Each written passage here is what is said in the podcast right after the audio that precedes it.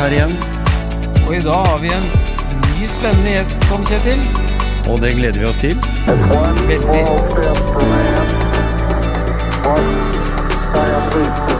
Ja,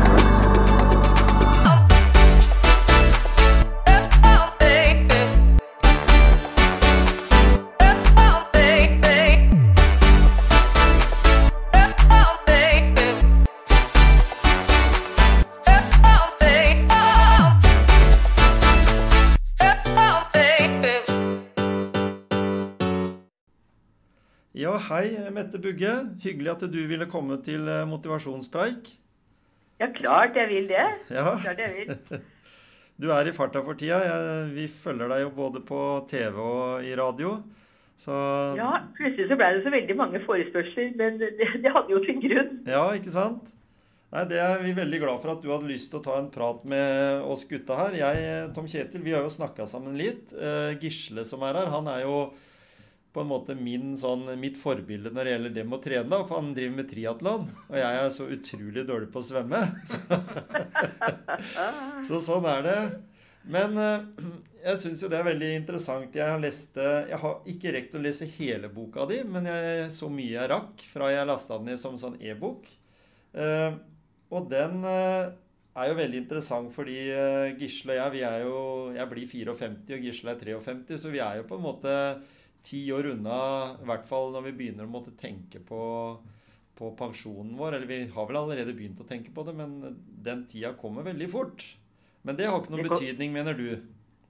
Nei, altså man må være sulten og nysgjerrig og, og, og være på hugget, for å si det sånn, Ja. hvis man ønsker å, å være lenge i arbeidslivet. Og for, det, for det er Selvfølgelig kan du si at på noen jobber så prøver de å få deg ut, men, men det må du jobbe mot hvis du ønsker å, å være lenge i arbeidslivet. Og jeg tror det betyr så mye på vår fysiske og psykiske helse. Ja, ikke sant? Ja, jeg, jeg, hadde en, jeg hadde en prat med en, en bilselger når jeg kjøpte en bil til dattera mi. Han, han var 75 år, og jeg lurte på hvor, hva som dreiv, dreiv han til å holde på enda. da. Og han sa nettopp det du sier der. Du må være nysgjerrig. Og så sa han, Ja. Og så sa han du må huske på at vi to er like gamle, sa han til meg. Ja, ikke sant. Og, og det morsomme er Jeg har jo dykka ned i mange undersøkelser, både fra utlandet og, og ikke minst her hjemme. Og en svensk undersøkelse som kom for ikke så veldig lenge siden, den sa jo at 70 er de nye 50. Og så kan folk som kanskje er 30 og 40 år tenke ha-ha, ja, det, det får du meg til å tro. Men, men det viser seg så vi har mye bedre helse. Vi lever lenger, og vi har helt andre holdninger og håper å si, lyst, hvis jeg kan si nå, enn en det mange kanskje 70-åringer hadde før. For ja, arbeidslivet og, og livet ellers, det var, det var veldig annerledes enn det er nå. Ja. Ja, det, har vel, det har vel forandra seg siden du begynte som journalist i Jeg har forstått det sånn at det var tilbake til 78 du begynte som journalist. og da eh, hvordan, hvordan var overgangen mellom penn og papir og til mer digital hverdag? Ja, altså for det første skal jeg si at jeg, jeg begynte jo lenge før 78. Okay. Jeg begynte vel faktisk på, på 60-tallet og med små referater i Sandefjords Blad da jeg på en måte spilte håndball. Og så, så, så laga vi sånn Runar vant fire-tre over Fram. Det var ikke så mange mål på pikelaget den gangen. Og så hadde jeg tre svannere i Vestfold Fremtid, en avis som for lengst er gått inn. Og jeg håper ikke det var pga. meg. Så da lærte jeg jo meg det å, å være journalist. Og da gjorde vi alt. Vi, vi var ute og fremkalte eller tok og fotograferte, kom inn og var i mørkerommet, fremkalte bilder, skrev på en vanlig eh, skrivemaskin, og så ble stoffet faktisk sendt med tog til Tønsberg. For da ble avisen trykket, så det føles jo ut som 100 år. Men det rare er at Vestfold Fremtid var en ettermiddagsavis, så de sakene jeg hadde skrevet og vært ute på byen og laget på morgenen, de sto i avisa samme ettermiddag. ja. Så det var ikke så gærent, det. Nei, ikke sant? Det er, jo, det er jo sånn vi har tenkt litt også, at eh, de som vokser opp i dag, så, så, så sier man det at de har jo mye av dette med digitalteknologien i fingrene og alt. Men når du tenker tilbake Jeg, jeg husker her for litt siden så skulle jeg prate med noen av de unge på jobben min. Eh, om eh, LP-plater og, pla og grammofonspiller og kom med sånne ting. ikke sant? Platespiller. Eh, de ante jo ikke hva det var. De hadde jo ikke sett det engang. Og da tenkte jeg med meg sjøl åh, da er det i hvert fall noe jeg på en måte kan mer, da. Fordi den teknologien der du, som du skriver i boka di, at du satt med, med vanlig skrivemaskin, og at dere brukte opp mot en time for å sende et bilde via vanlig telefon, eh, så tenker jeg det var jo ut, en utrolig annen verden enn den eh, alle vokser opp i dag. Som hvis ikke du svarer på en SMS på fem minutter, så tror jo folk at du er død i andre enden. Så det er jo helt rett, ja. Og, og, det har vært en lang vei også i, det, ja, i, i mange yrker, bare for å ha sagt det. Ja. Eh, så har det vært en lang vei. Og jeg husker jo da vi også skulle lære å sende fra utlandet. Jeg skulle liksom koble meg opp på telefonledninger på et hotell og sånn. Det, det, husker jeg grua meg veldig for. Ja. Men det er som om når du ble kasta uti det på dypt vann, mm. så, så er det rart hva man på en måte får til ved noen telefoner ved å ringe 'Hvordan gjør jeg nå?' Og når du først har gjort det én gang, mm. så er det jo ikke vanskelig. Men det er bare å, det å komme over det hinderet. Nemlig.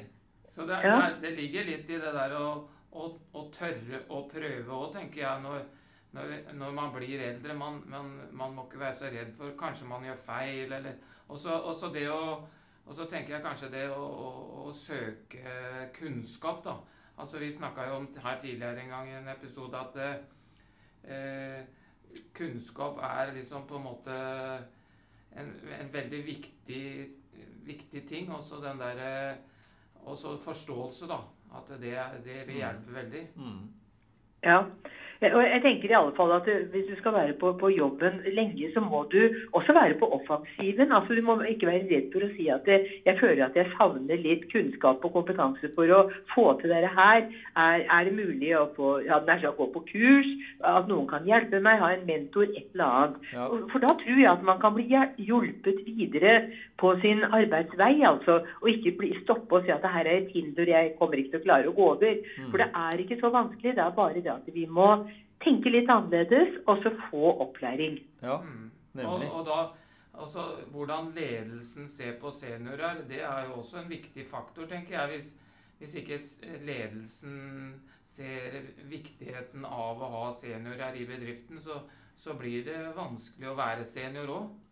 Ja, og det er jeg helt enig i. og Derfor så kom jeg på underveis da jeg holdt på. Jeg har holdt på i fire år med den boka fra jeg starta. Og den har utviklet, utviklet seg underveis. fordi at til å begynne med tenkte ikke jeg at jeg skulle ha med noe om ledere i det hele tatt. Så skjønte jeg jo veldig etter hvert at uh, ledere har en utrolig viktig posisjon med å være uh, å si, arbeidsleder som setter krav til deg, som støtter deg, som, som spør hva du hvor, hvor, hvordan kan du bidra på best mulig måte hos oss, istedenfor å være en leder som tenker at nei, han der, han, eh, han får bare sitte borti kroken og surre med sitt, han, og så går vi andre videre. Så, så, jeg tror de holdningene der, det er de jeg ønsker og håper å, å, bidra til å knuse. For jeg, jeg tror det er rett og slett noe med menneskesynet, for å si det sånn.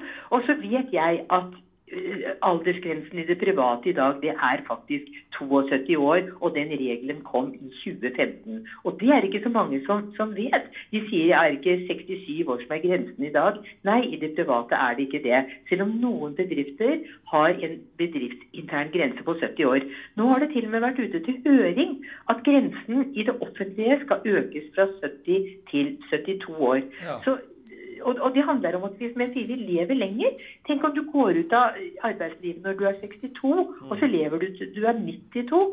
Det er 30 år utafor arbeidslivet. Hva skal du fylle det med? Ja da, det er flott å gå tur og drikke kaffe og, og gjøre frivillig arbeid. Det er kjempefint.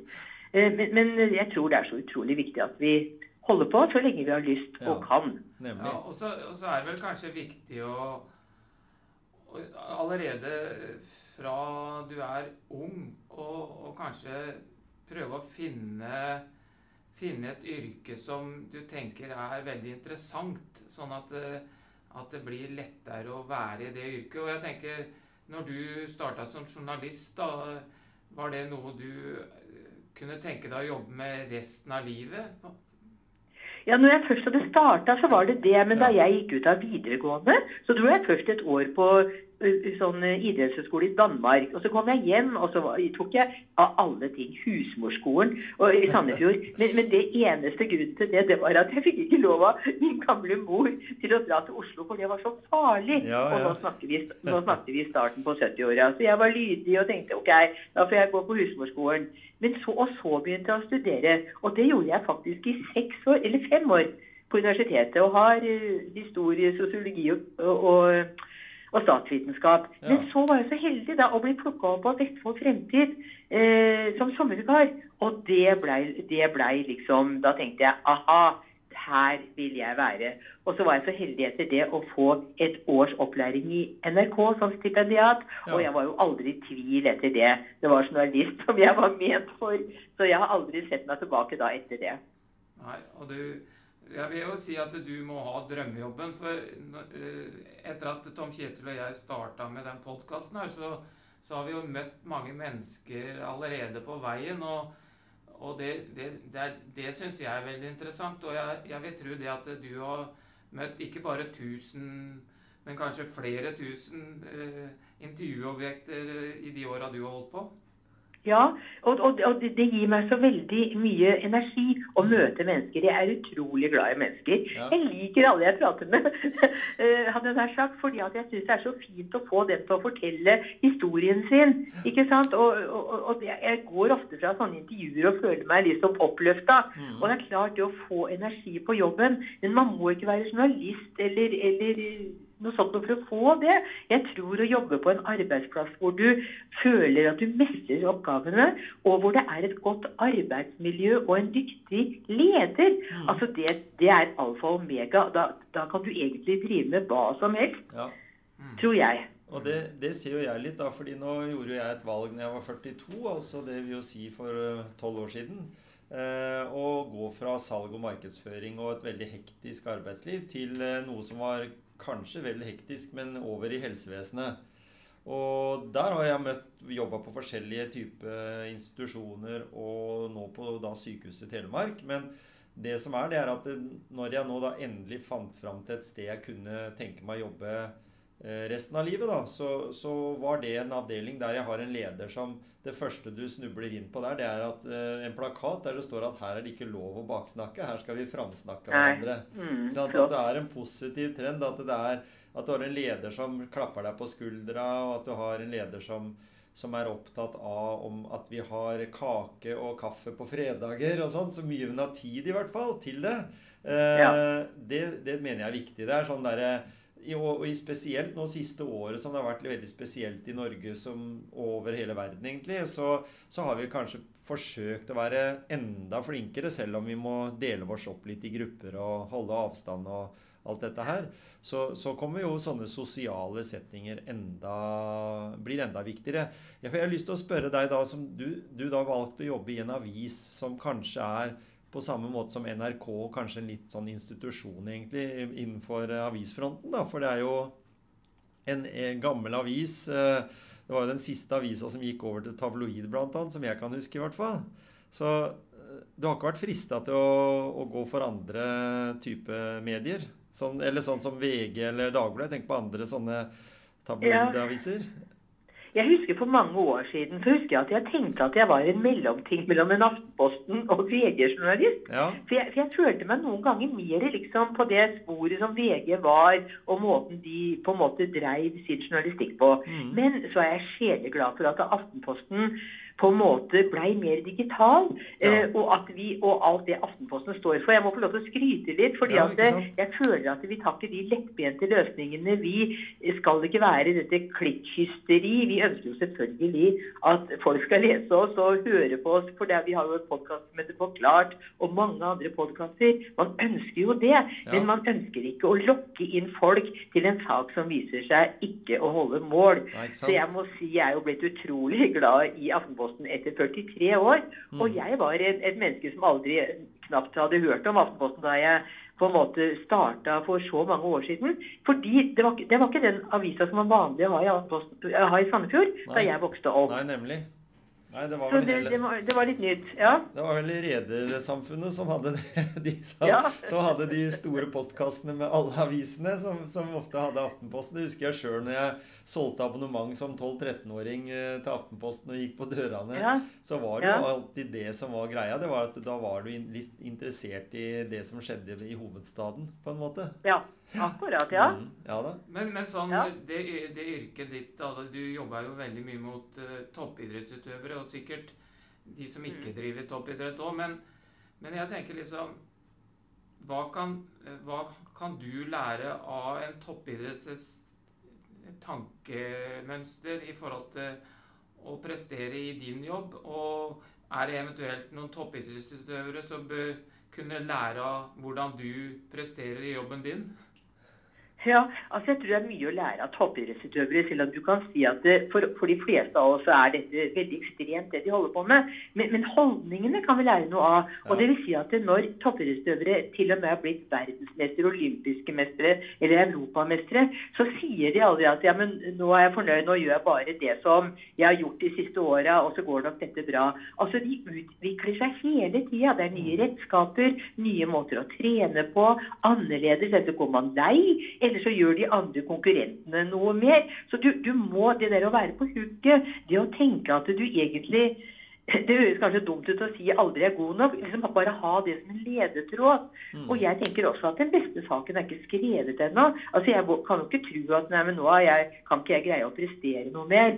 Eh, nå har jeg skrevet så masse at nå er det sikkert ikke noen flere gode saker jeg kan skrive. Jeg kan ikke ha den holdningen. Jeg må jo tenke at jeg må stå på for å få til dette her. Ja. Så, så det, og så vet vi at toppidrettsutøvere de blir skada, de blir, de blir sjuke like før de skal opp til sin største oppgave i livet. Men de legger seg jo ikke på sofaen, og de kan ha et par dager hvor de depper. Men så kommer de tilbake, og gjerne enda mer kraftfullt. Ja. Ta eksempel Nora Mørk som er håndballspiller. Hvor mange tilbakeslag har ikke hun hatt? Ja. Nå så jeg hun var tilbake igjen og skårer en haug med mål. Ja. Altså, det, det, er, det finnes muligheter, selv om man kan føle seg deppa og trist på jobben. Selv om man kan føle noen ganger at man har kolleger som er pest og plager, hadde jeg nær sagt. Ja, ja. Så, så tror jeg det, det å ta tak i situasjonen, og ikke bare stilltiende tenke at det sånn er det, men ta opp ting på en ordentlig måte, enten det er med sjefen sin eller med en kollega, prøve å løse det opp. Kanskje bare misforstår vi hverandre.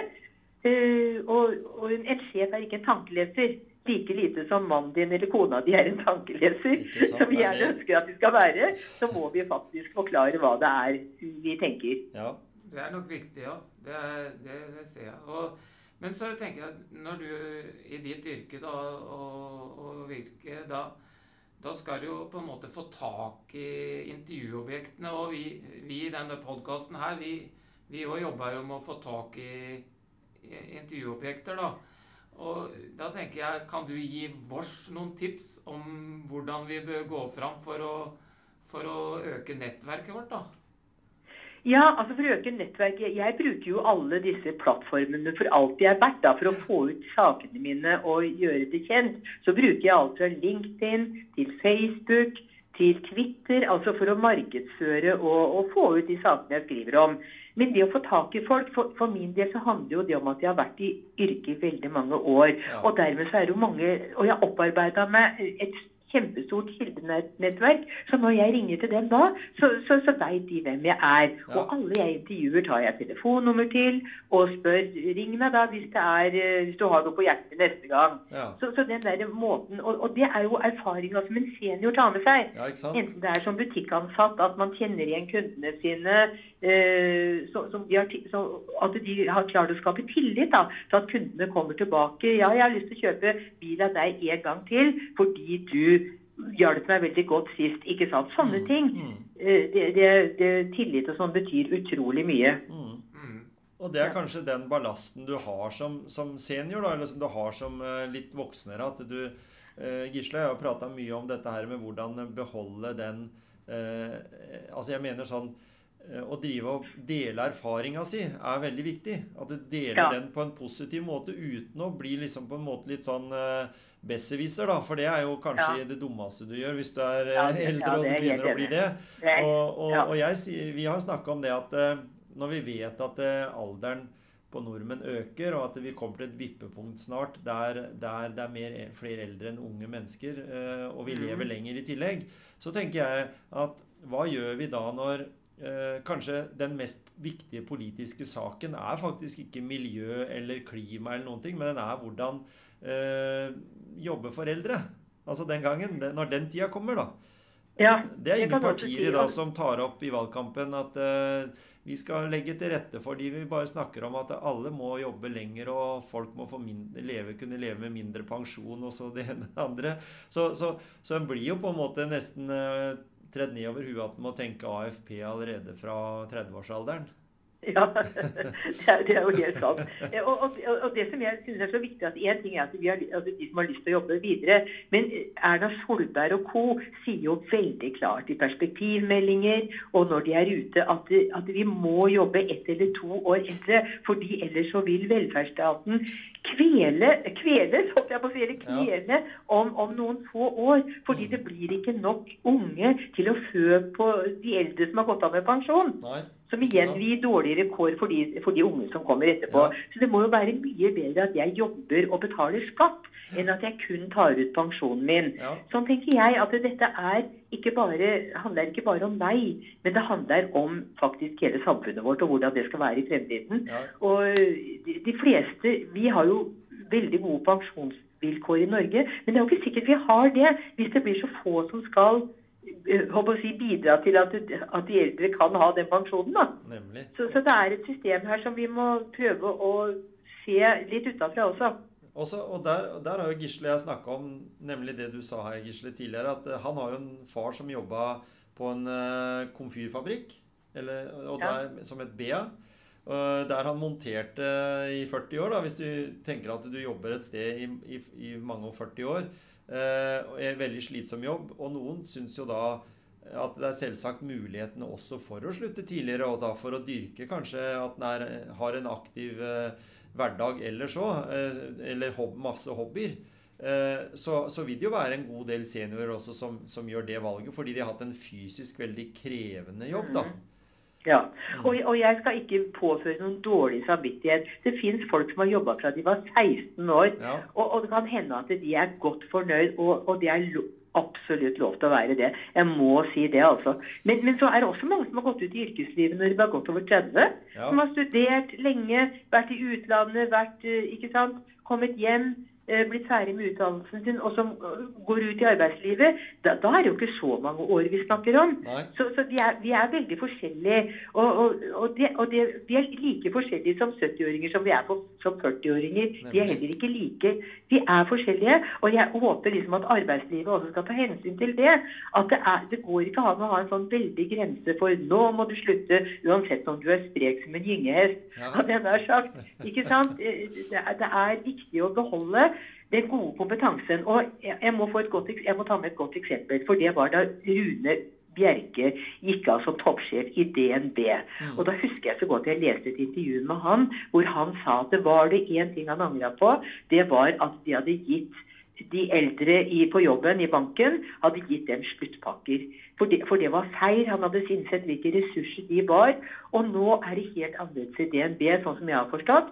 Nå gir de heller folk muligheter til å utvide seg på et halvt år til å lære seg hvordan de som satt i kassa, for å si det sånn, Ja. de måtte jo lære seg hvordan de skulle kunne gi råd om aksjer og alle andre banktjenester. Og de fant ut at det var, det var faktisk lettere å ta noen som hadde vært i, en, i banken i veldig veldig mange år, lettere å omskolere dem enn kanskje å ta inn noen helt unge. Mm. Så, så, og det sa han i et intervju, og det, det syns jeg var utrolig si, fint sagt, at han sa det, at han angra for det. Og, og, Ja, og det, og det, tenk, det tenkte jeg på i det når eh, Tom Kjetil sa det han sa, at eh, selv om du har vært i en fysisk eh, krevende jobb, som, som kanskje vil begrense når du blir eldre, da, så er det det å være nysgjerrig, ta, lære seg noe nytt, og kanskje gjøre noe annet. Det, det tror jeg eh, er viktig, sånn at man ikke slutter å, å utvikle seg, selv om man blir Ja. eldre. mm. og du kan jo faktisk i dag Ja, så kan du bare vite at det, det er faktisk noen som også angrer seg. Og jeg tror at hvis du går ut av arbeidslivet fordi du tenker at du bor i at nei, nå er jeg fornøyd, og nå vil jeg gjøre noe annet, osv., osv. Så, så uh, si, er ikke, Hvis du da angrer deg og tenker fader, det var fint å ha den sommeren, men nå på høsten nå, nå, nå mistrives jeg, og jeg skulle gjerne hatt en jobb igjen, så er det jo faktisk ikke så lett bare å komme tilbake igjen. Ja. Og jeg gir noen råd om hvordan det kan gjøres, eh, men, men det er liksom ikke så lett. Det er et ekstra hinder, og, og, kanskje skulle begynne å søke en jobb når du er 62 eller 65 eller hva du er. Men, men, det fins muligheter, eh, og jeg håper å si, jeg bare tenker at man det går an å prøve. Absolutt. Ja. Så det, det som motiverer deg i den seniorsaken, det er egen erfaring, egentlig, eller? Både og. Det er egenerfaring, men, men vel så mye at jeg nå har snakket med så mange andre yrker. Altså folk i andre yrker og hørt hvordan de tenker. Og ikke minst at jeg har dykka ned i forskningen på dette området. Ja. For da får du jo den faktakunnskapen som er nødvendig. Jeg føler at jeg, jeg kan gjerne fortelle fra hvordan jeg har det og, og sånne ting. Men jeg syns det er viktig at jeg kan basere det på på fakta. Og det er en stor undersøkelse som het Exit Age, som kom i fjor, på mm. slutten av året i fjor. Eller, eller i alle fall i fjor, tidlig på året forresten. Eh, som, som, hadde da undersøkt hvordan det var ute i mange, mange bedrifter. Og den eh, har jeg lært veldig, veldig mye av. Så, og mange andre undersøkelser som jeg har tatt med for å vise at det er hvordan seniorer tenker og, og, sånne ting. Og så har vi noe som heter Senter for seniorpolitikk, mm. som man kan gå inn på. Og det er utrolig mye webinarer, håper å si kurs, altså alt mulig man kan utvide horisonten sin på om, om, om dette med myter rundt eh, eldre arbeidstakere. Så, og Det er så morsomt. Det var en som heter Kari Østerhus, som er direktør der. Hun forteller at det, jeg så hun hadde skrevet en kronikk i, i, VG for en stund siden. og Det er liksom det ordet bruk av bestemor. Det er liksom du bruker, Mange aviser bruker bestemor i tittelen som om det er et menneske på 80 år som nesten ikke kan noe som helst. Eh, ja. Er du der? Ja, det er vi. Nå er det noen som ringer inn, så jeg Skal vi se Der, ja. Men nå, apropos, det, da, nå, apropos det nå, så er det jo liksom de tidene her, da, med, med, at vi ikke kan møte så mange. Kjenner du, Merker du det nå? At uh, du kan møte færre mennesker? Hvordan påvirker det deg? Vi, vi syns det er litt tungvint, for vi, vi, vi, vi syns det er så moro å kunne prate face to face, da. Ja, men, ja da, og, og, det er klart at det, det er det beste. Men, men, men, det er også en sånn fersk undersøkelse som kom at seniorer er jo de som har klart overgangen til dette livet her ja. best på kontorene. Men det har jo selvfølgelig flere grunner. At man ikke har små barn hjemme. At du ofte har god plass, og du kan sitte for deg sjøl. Så, så jeg, all ære til de som har hatt barn i denne tiden, som har vært hjemme fra skole og barnehage, som kanskje bor på et lite et mye mindre sted, da, også en leilighet f.eks. Mm. Jeg veit jo så godt hvem jeg skal ringe til. Jeg, jeg, har ingen problemer med å fylle arbeidsdagen min med intervjuer og samtaler og sånn. Så, så, jeg har klart det bra, men jeg savner jo veldig å møte kolleger. Eh, og, og, ikke minst møte intervjuobjektene, reise ut og møte dem. Ja, ikke sant? Og, og, ja. og, og nå begynner det å nærme seg OL. Er du, er du klar for OL, eller? Ja, jeg er klar som bare det, men jeg skal forberede meg veldig godt til OL. Ja. Eh, fordi i gamle dager kunne man bare dra, og så intervjua vi folk der og da og skrev et stykke om at de hadde vunnet og, eller ble nummer fire. Mens nå holder jo ikke det på langt nær. Du må ha med deg veldig mye stoff i bagasjen når du kommer over dit, sånn at du bare har igjen noen få spørsmål til en utøver eh, som kanskje har lykkes, da. Eller ja. eventuelt det motsatte, at du har historien på historien om han eller henne eller en trener eller sånn. Så det er helt annerledes måter å forberede seg på et OL enn det var før. Mm. Og da har jeg veldig lyst til å spørre, da, eh, i og med at du har vært i kontakt med så mange idrettsutøvere opp gjennom årene at eh, Du har helt sikkert én eller kanskje flere idrettsutøvere som har på en måte motivert deg. da. Altså Som på en måte har gitt ja. deg noe ekstra. Du snakka jo om det her ja. tidligere, at du får en sånn egen energi. Jeg har jo nevnt eh, for deg at jeg skrev en bok i 2015 som gikk på livsmotto til 100 forskjellige personer. Og blant de er også en del toppidrettsutøvere. Og noen av de hadde jo på en måte noe som jeg også følte at der er det noe helt spesielt. Jeg kan jo nevne Olaf Tufte, f.eks. Som jeg Ja. følte hadde liksom nå Han var sin egen manager. Han tok alle telefoner. Han svarer på tekstmelding og SMS og Messenger og alt. Men allikevel så er han ute og, og trener eh, tre økter om dagen omtrent. Så, så, men, men for, så for meg så ga det noe sånn kjempeinspirasjon. Samme som med Jahn Teigen f.eks. Sånne personer som du på en måte bare har sett fins langt der ute, men som allikevel er veldig folkelige. da. Og, og har en sånn drive i seg som ga meg i hvert fall veldig mye motivasjon. Ja. Hvordan er det med deg? Jo, altså jeg, du, du tok nesten ordet ut av munnen på meg når du sa Tufte. Fordi han, ja, Jeg har også nevnt en setning bare, eller noe sånt om det han, men, men han sier at motivasjon er det aller viktigste. Og så vil jeg jo si det at det, det, det må være sånn indre motivasjon. Det Ja. hjelper ikke om noen hadde sagt til deg at altså, Hvis man velger et yrke og tenker at jeg, jeg må ta det som jeg tjener veldig mye penger på, det tror ikke jeg holder veldig lenge. Du må ta det yrket, velge det yrket som på en måte du tenker at her har jeg noe å tilføre, dette, vil jeg komme, dette bryr jeg meg om, dette er jeg interessert i. Eh, hadde jeg nær sagt. Og, og, og, for de seniorene så betyr jo heller ikke penger så mye. eh, Fordi man, selvfølgelig fordi vi er heldige at vi har vært i et yrke og har tjent penger og kanskje har en nedbetalt bolig. Så, så sånn sett er ikke det. Men for toppidrettsutøvere, den der indre driven må være der. Ja. Jeg, jeg har vært håndballtrener i veldig mange år. Og jeg har jo vært mange ganger i Skien og Gjerpen og hele den pakka der. Og, og, og dekket kamper og sånn der. Og, og da vet jeg det at eh, de utøverne som virkelig kommer langt, de, de har det der indre som driver dem framover. Den der interessen for å holde på. Og, og den må man aldri gi slipp på. Den, man prøver liksom å la den få næring, eh, hadde jeg nær sagt. Og, og da er det det med nysgjerrighet. Og, og det å utvikle seg. For, for mestrer du ting, da syns du alltid at eh, alt er gøy. Ikke sant? Mestrer du oppgaven du skal gjøre, så, så får du litt Oi, det, det, det har jeg lyst til å fortsette med. Og ikke minst hvis du har omgivelser som gir deg ros. Ja. Selvfølgelig begrunnet ros. Det kan jo ikke være fordi man eh, Altså uten grunn. Men hvis du har gjort en, en god jobb, en leder eller noe, ros, ros de som er på jobben. Og motsatt. Ja. Ros gjerne lederen hvis det er en god leder. Nemlig. Det er også viktig. At eh, lederen er også et menneske, pleier jeg å Ja. si. Men, det, men det er jo sånn at uh, når man er veldig ung, da, så, så, så, så klarer man liksom ikke å tenke framover til senioralder, da.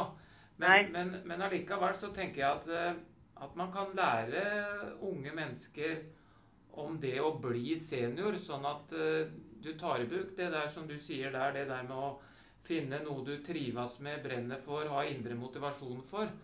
Og at, at den tida vil komme, sånn at, at de også er med på å jobbe den saken, selv om ikke de er blitt seniorer. Ja, fordi at det, det, det, er selvfølgelig Man tenker jo ikke så veldig mye på senior når man er 30 år. Da, da, da er jo de her 50- og 60-åringene litt håpløse. Men, men så kommer vi oppover, og så skyver vi den grensa foran oss for hva vi egentlig syns er helt greit. Eh, for alderen kommer til oss alle. Det er jo ikke det at noen blir aldri mer enn altså, de fleste blir, hvis man er heldig og har helsa, blir jo både 40, 50 og 60 og, og, og enda mer. Og Ja. mange opp både i 90 og 100 år etter hvert. Vi har jo aldri hatt så mange hundreåringer i landet som vi har nå. nei. Ikke sant? Og det blir stadig flere hundreåringer. Og jeg har gått inn på Statistisk sentralbyrå og sett hvor mange hundreåringer det blir i fremtiden. Ja. Og det er nesten sånn wow! Du verden. Eh, og disse skal ha eh, altså, og, og- det som også er viktig å si, at det flesteparten av de eldre, de som er 80 år, de er ikke på sykehjem. Som man kanskje lett kan tro. Man tenker en 80-åring, ja da skal de ha stell på sykehjem. Flesteparten er ikke på sykehjem eller aldershjem. Flesteparten er hjemme og går turer eller eh, ikke sant, og sånne ting. Så det er så mange syn her som jeg tenker vi må prøve å få endra litt på, eller i alle fall få ut informasjon, da. Ja, og jeg har jo hun yngste dattera mi på 25. Hun har jo hatt noen sånne frustrerte samtaler da, over at du har noen eldre hun jobber med. da, på, For hun jobber i bolig, og så sier, sier hun at Ja, hun der der håpløse kjerringa der, altså. Ja, hvor Ja. gammel er hun? Nei, hun må, er vel i 50-åra. Ja, uff. Ja, jeg, jeg jeg er håper sånn- aldri at jeg skal, skal, skal være en sånn type altså, som, som Nei, nei, det er som du sa fra jobben din, å fremsnakke. Jeg tror Ja. det er så utrolig viktig. Og det er jo noe som Anja, som kommer fra altså håndballspiller Anja Hammerseng Din og Gro Ja. Anja kommer fra det området nede der. Ja, Porsgrunn eller Skien, gjør hun ikke det? Stemmer. Jo, jeg tror det. Ja, Eh, det og, og Gro, de driver jo med det fremsnakk. Mm. Jeg, jeg tror det er så viktig at vi kan se på folk med et positivt en holdning, hadde jeg nær sagt. Og så er det sikkert noen unnskyld uttrykk- uttrykket drittsekker der ute. Det er helt sikkert det, og det kan det hende at det er på noen arbeidsplasser òg. Så må en leder eller, prøve å løse det på en måte at ikke vi tillater at folk enten mobber hverandre eller er ufyrstige, eller sånne ting. Altså, vi, må, vi må jobbe for å få et godt arbeidsmiljø. Og der kan vi alle bidra til at arbeidsmiljøet er godt. Og det er ikke bare sjefens ansvar, det er alles ansvar på jobben, tenker jeg. Nemlig, nemlig. Og det Du, og, og du snakka om det med indre motivasjon. Eh, kan du konkludere sånn hva som er din indre motivasjon for journalistyrket og eh, seniorsaken? Eller om det er den samme indre driven? Ja, ja, altså det, det, har jo, Seniorsaken det har jo blitt en indre. Et- Det var jo ikke det for meg heller i starten. Altså, Jeg tenkte jo ikke sånn på senior eller noe som helst da jeg bare for no, en del år siden. Så har det jo blitt eh, et veldig viktig for meg. Det har blitt et viktig tema etter hvert som jeg så at det er sånne stereotype holdninger. Eh, Der har jeg jo intervjua en forsker i Bergen som, som har laga bøker om dette med det ster- stereotype holdninger vi, vi fort danner seg om et menneske. Og der har jeg et godt eksempel, for jeg var på en konferanse, og så så jeg en dame som skulle fram og holde, holdt på å si, å holde tale, eller hva skal jeg si, for holde foredrag. da. Og så tenkte jeg om henne Herregud, den gamle kjerringa der, hvordan kan hun ha noe å lære oss? Tenkte jeg med stille sinn mens jeg satt der. Og så viste det seg det når hun kommer på scenen, så er hun den flinkeste av alle som var der. Hun var engasjert. Hun var, hadde så god kvalitet. Og jeg lytta med store ører. Og så viser det seg da jeg undersøkte etterpå at hun var 15 år yngre enn meg. Ja. Og jeg kunne ha slått meg sjøl i ansiktet og tenkte Og jeg tenkte aldri mer skal jeg tenke sånn om noen andre mennesker. Sette dem i bås, bestemme seg på hva de kan eller ikke kan, før jeg i det hele tatt har hørt på dem eller snakket med dem. Så jeg ønsker liksom å bidra til at dette stereotype bildet av en senior, at dette blir letta litt på. For, det er ikke sånn, og det tror jeg mange andre også kan underskrive på. Og når det gjelder journalistikken, så er det jo hele tida den indre motivasjonen om at eh, jeg tror det er mer å hente. Jeg tror det, det gir meg så mye å, å prøve å få fram en god sak som jeg får tilbakemeldinger med at den var fin, og, og så flink du er og sånn. Det er klart det gir en voldsom motivasjon. Ja, Jeg må jo være ærlig og si det. At, eh, at det- jeg syns det er gøy hvis du har gjort noe du sjøl er fornøyd med, men også at andre er fornøyd. Så det, så det blir jo på jobben min. Og, og, da, og Hvis du går til helsevesenet, f.eks., som du er, så må det jo være enormt motiverende at du føler pasienter eller kolleger sier at jeg er så glad for at du stelte meg, eller du tok hånd om meg, eller hjalp meg da jeg var i krise. Altså Det ville jo gitt meg en veldig boost Mm. for, og en god følelse når jeg gikk hjem fra jobben. Ikke sant? Og, og da er det litt som den Nidar-reklamen, da. Der de, den beste sjokoladen er ennå ikke lagd. Det er som du det er sier, den korrekt. beste reportasjen er ennå ikke er skrevet. Sånn er det, ja. Sånn er det. Så Nei, men det Samtale er satt på vent. You are now on hold. Ja. Der kan det godt hende vi blei eh, brutt av, fra Mette, fordi hun er jo populær for tida, Gisle. Så, så hun satte oss på på vi vent. fikk- Vi fikk, vi fikk veldig mye bra derfra, Vi altså. gjorde jo det. Og jeg kjenner, jo, jeg kjenner jo det at det, sånne ting Det får meg til å tenke Ja, jeg skal lære meg mye, mye, mye mer Ikke sant? Vi har jo allerede begynt med den podkasten, Ja. som er nytt og spennende og ikke vi hadde noen forutsetninger for. Nemlig. Og vi skal bare bli bedre og bedre. Mm. Så Og den saken som eh, Mette da fremmer, da, senior som det heter, seniorsaken, eh, der er det mulig å få kjøpt boka Senior. Den kjøper du på nettbokhandlere, eller du kan kjøpe den i bokhandelen. mm, mm. Eh, og det er en bok som tar for seg liksom litt sånn enkle strategier om, om hvordan det kanskje lettere kan være å komme i den tida, da. eh, som, en, som en på en måte ser litt som, som en sånn. Og jeg sa jo det til deg her i stad, Gisle, at eh, jeg følte jo sjøl når jeg blei 50, at jeg liksom på en måte var gått ut på dato på fotballaget. Når du blir liksom styresak. At eh, skal vi ha med han gamlingen der? Mm. Eh, og jeg tenkte jo sånn da at eh, ja, ok, det er greit at han 19-åringen, som for så vidt har framtida for foran seg, eh, var den som på en måte fikk eh, den backplassen på laget, da.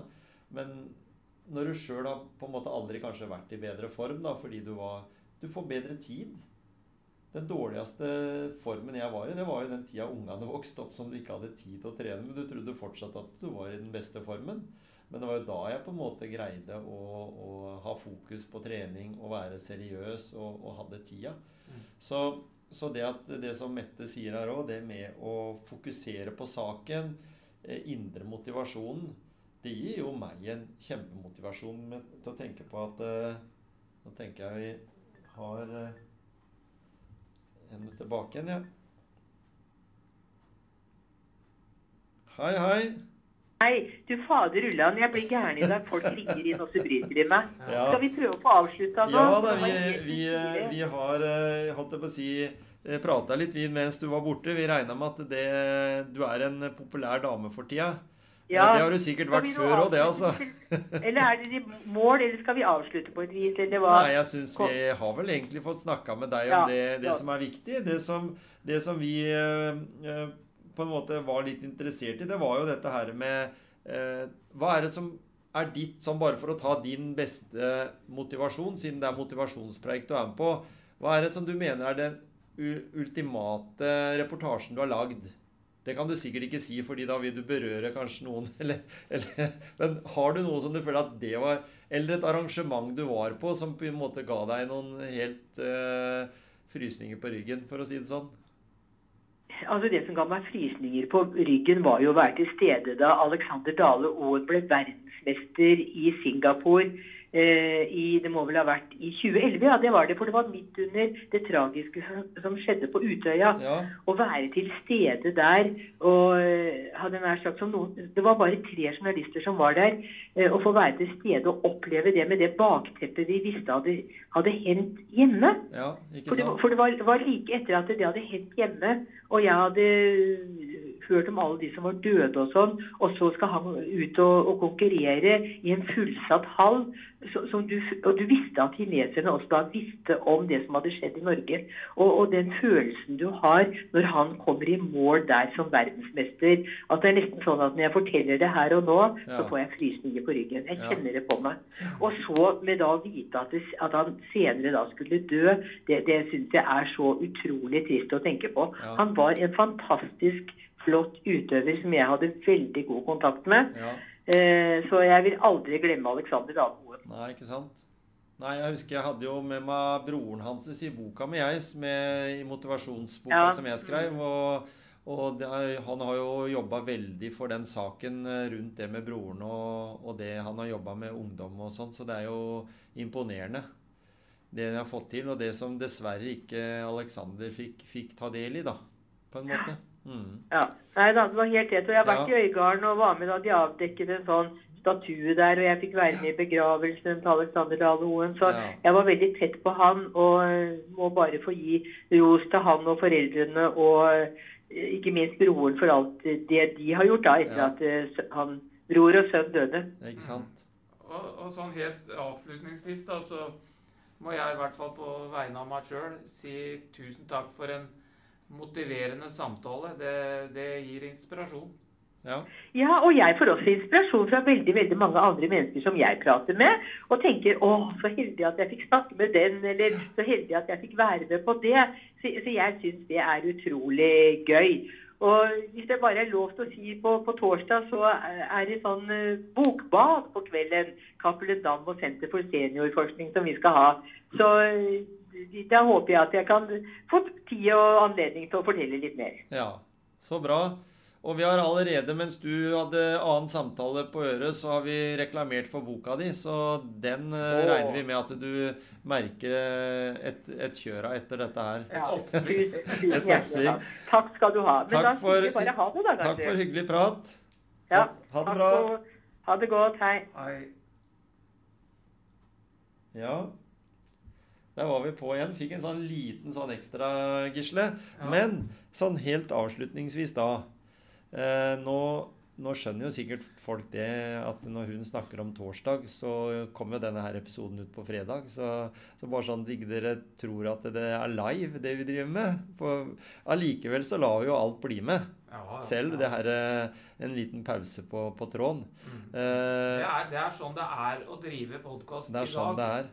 Eh, Det er utfordringer, men det vil jo ikke ødelegge noe for hele den Nei. Det var en fantastisk prat og en fin episode. Så følg med Mette Bugge i framtida. Les Aftenposten. Kjøp boka Senior. Eh, og, og sånn. Det Gisle og jeg er i hvert fall veldig motivert på ikke å slutte med podkast når vi blir 67, i hvert fall. Nei, vi skal fortsette. ja.